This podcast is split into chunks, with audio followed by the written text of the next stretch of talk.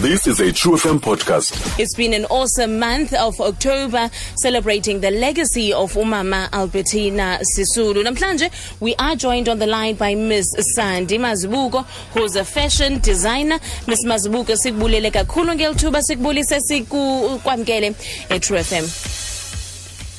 Yebo ninjani? Siyaphila nkosi njani wena? Hayi ngiphilile ngiyabonga.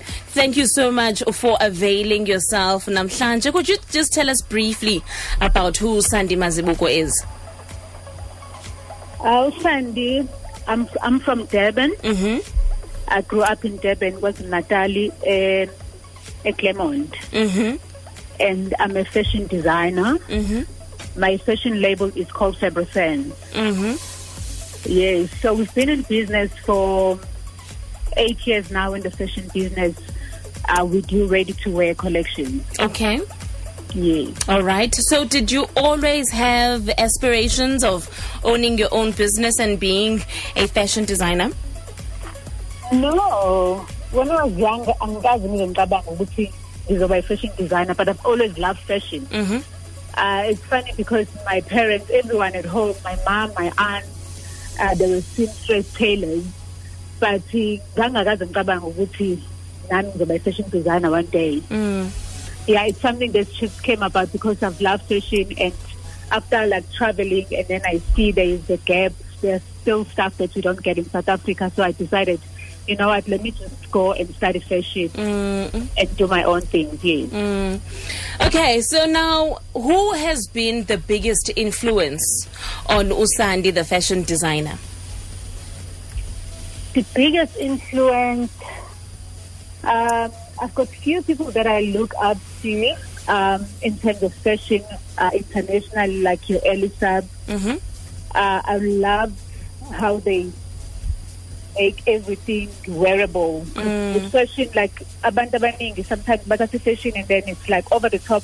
Everyone is doing over the top, and then they don't think about uh, like everyday kind of Mm.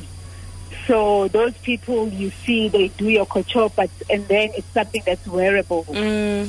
So those are the people that I look up to. Um, and then locally,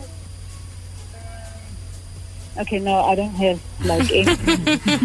You have Sandi Mazibuko. Yes. you know, I, I always feel a bit sad xa ndijonga into ye-fashion designers in South Africa because nina niye create nine creativity to come up with these designs. Yes. Once it design, ibe popular, it will be two or three months so ibone emachayineni selling for a hundred rand.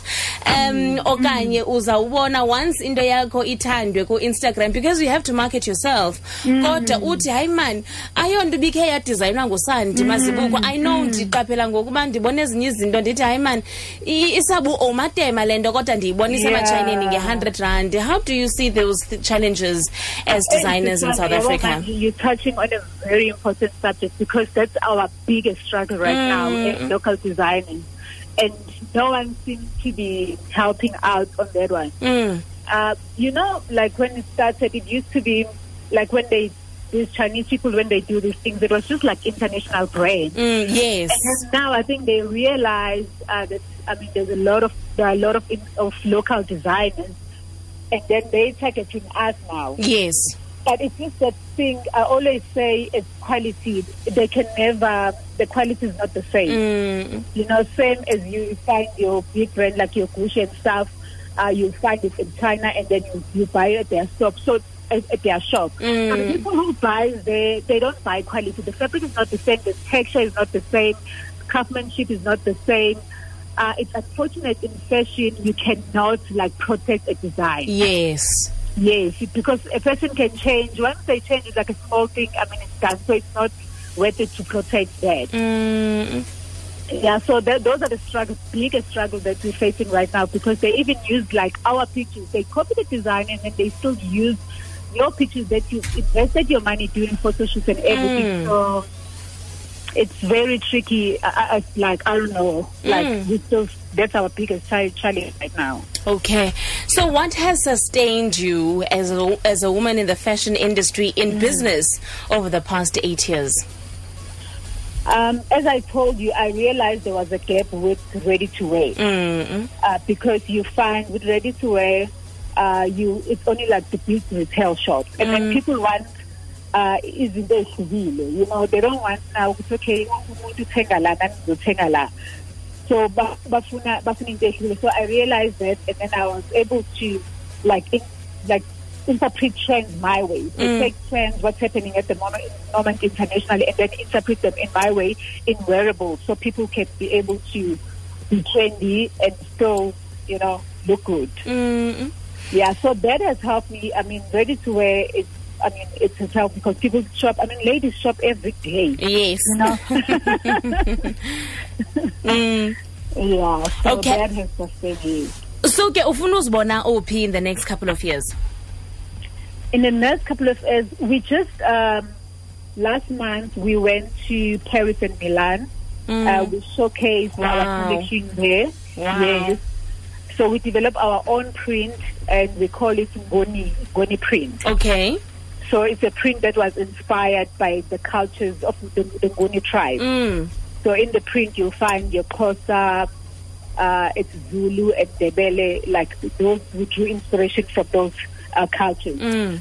So now we're moving to online store fully. Oh. So it's yes. Okay. Uh, yes. Uh, so it's just we see ourselves because now we went um, overseas. So we've been receiving uh, like a lot of resp- response overseas. So it's just taking the brand international now. Mm. So that's the next step to see Fabrosanz everywhere around the world. Well, I hope that you will take the international market by storm. You know, people when they say the time is for Africa right now, I yes. believe that so much. Ungathini kumntu omameleyo, especially as we close off this month kamamu Albertina Sisulu. Ungathini wena kumntu omameleyo who wants to follow in your footsteps, a young girl who wants to see themselves kule level wena ukuyo. Um, young girls, often in next session, I find a lot of people just coming up and say, "Can you please help me start?" Uh, I always say, "La ukhona." yenza sure ukuthi uyaz- uyazama uyaqala because when I started I just no one helped me Mm. I mean it's nice to have mentors but people need to see what you can do Yes, yes. so just yeah just start and then the right people will always find you Mm. so that's what important. Just start. Just do like your your uh, sisters, your friends, and then people would end up realizing, oh my gosh, this person has talent. So just do your thing. Start ungalokhu ulinda abantu ukuthi come to your rescue. Mm.